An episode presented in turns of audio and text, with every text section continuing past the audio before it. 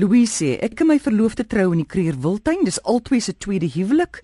Die gaste gaan bestaan uit God, die dominee en nog twee mense wat sommer daar werk in die Wildtuin as getuies. Ons hou nie van tierlantjies nie. Wat moet ek en hy dra vir die troue? Ek is mal oor hierdie idee. Dit dit dink ek hoe die toekoms van troues moet lyk. Mm. Geen drama nie, geen sirkus nie. Maar lyk pragtig. Jy gaan dit vir ewig onthou. Lyk pragtig vir mekaar. Moenie daar in 'n kakie ding aankom of in 'n slaapsak met 'n ryker nie. Lyk beautiful. Jy hoef nou nie aantrek of 'n lang ding nie, dis prakties en so. Maar jy gaan tog 'n foto neem, want as dit met jouself en jy gaan die dag vir ewig onthou en jy wil mooi lyk vir mekaar. Ek het 'n vriend in ons toer die hele Afrika vol en ons bly by lodges en wildtuine en goeders, maar saans as ons gaan eet trek ons vir ons mooi aan. Dit is fantasties om beautiful te lyk en om spesiale geleentheid te jy trek nie aan vir jou getuies of jou veelheid gaste nie. Jy trek aan nommer 1 vir jouself en nommer 2 vir jou partner. So trek iets elegant aan. Ek sal vir hom sê 'n nice broek, nice skoene, baadjie, oopknoop hemp of vir haar of 'n broekpak of 'n ding of so. Vergeet van dat jy in die wildtuin is wat dit betref. Jy sal nou nie met 'n wyl aan 'n kareeboom gaan vashang of in 'n doringbos sit nie.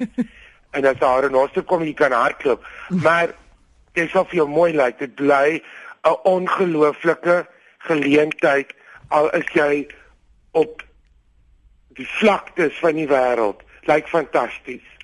Martie sê ek wil weet of die getroude kinders van die ma of pa steeds almal bymekaar voor in die kerk moet sit of kan jy sit waar jy wil as ons so naby mekaar moet sit gaan ek nie begrafnis toe nie al is dit my dierbare skoonma Ag ek weet jy daar is sekere tradisies en daar is sekere tye. As jy in 'n offisiële dorp bly as jou familie gaan jy nou nie by hulle sit in die kerkie by 'n begrafnis hang hang dit af van wat is die keuse? Gewoonlik sê oorledenes dit in baie van hulle testamente by 'n begrafnis of wat is die familie? Hiersoos hartseer en goeders betrokke by mm. en ondersteuning vir mekaar. En dit is die groot rede hoekom families by mekaar sit en Hulle hoef nie saam in te stap in 'n ry nie of ietsie, maar ek sal nog steeds dat families wêreldwyd sit by mekaar. Ek sal nog steeds glo ek dit is een van die tradisies wat jy jou eie probleme vir daai oomblik van hartseer kan wegsit. Jy is daar om jou familie en die wat wel hartseer is oor die oorledene en dit beslis nie die hele kerk nie, maar om hulle te ondersteun. Die dag gaan nie oor ja nie, dit gaan om iemand se hartseer te ondersteun en om daai lewe wat verby is te vier. Dis die belangrikste. Jy self tel met hierdie geleentheid niks nie. So, dis die een keer wat jy nou maar kan opsit by die familie en soos met te troue waar ons al baie gepraat het, as jy wil onvriendelik of moeilik wees, bly weg. Maar ek meen as jy ook nie wil kan jy maak of jy 'n seerplek het of net alleen wil huil, dan sit jy op jou eie. Maar maar ek nie, ek sal nie dis nie 'n tyd om 'n familiedrama te veroorsaak of om mense te beledig of om wenkbroue te lig nie, nie 'n begrafnis nie. Anoniem wil weet, ons het 'n haarkapper wat vir 'n geruime tyd nie meer 'n assistent het wat kliënte se hare was nie. Insteede doen sy dit nou self. Uit beskaafdheid het ek altyd die assistent 'n voetjie betaal vir die was. Maar moet ek nou hierdie selfde guns aan die haarkapper betoon? Kan jy help? Glad nie.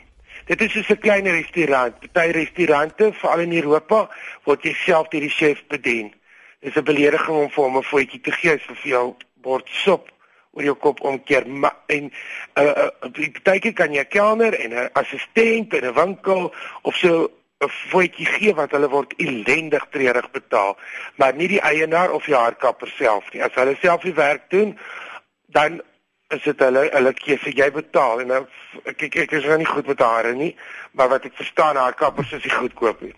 So jy klaar vir jou dienste betaal daar's nie verdere voetjies wanneer jy deur 'n eienaar of die chef of die persoon self bedien word en nie 'n assistent met 'n treurige salaris nie dan dan gee geen voetjie nie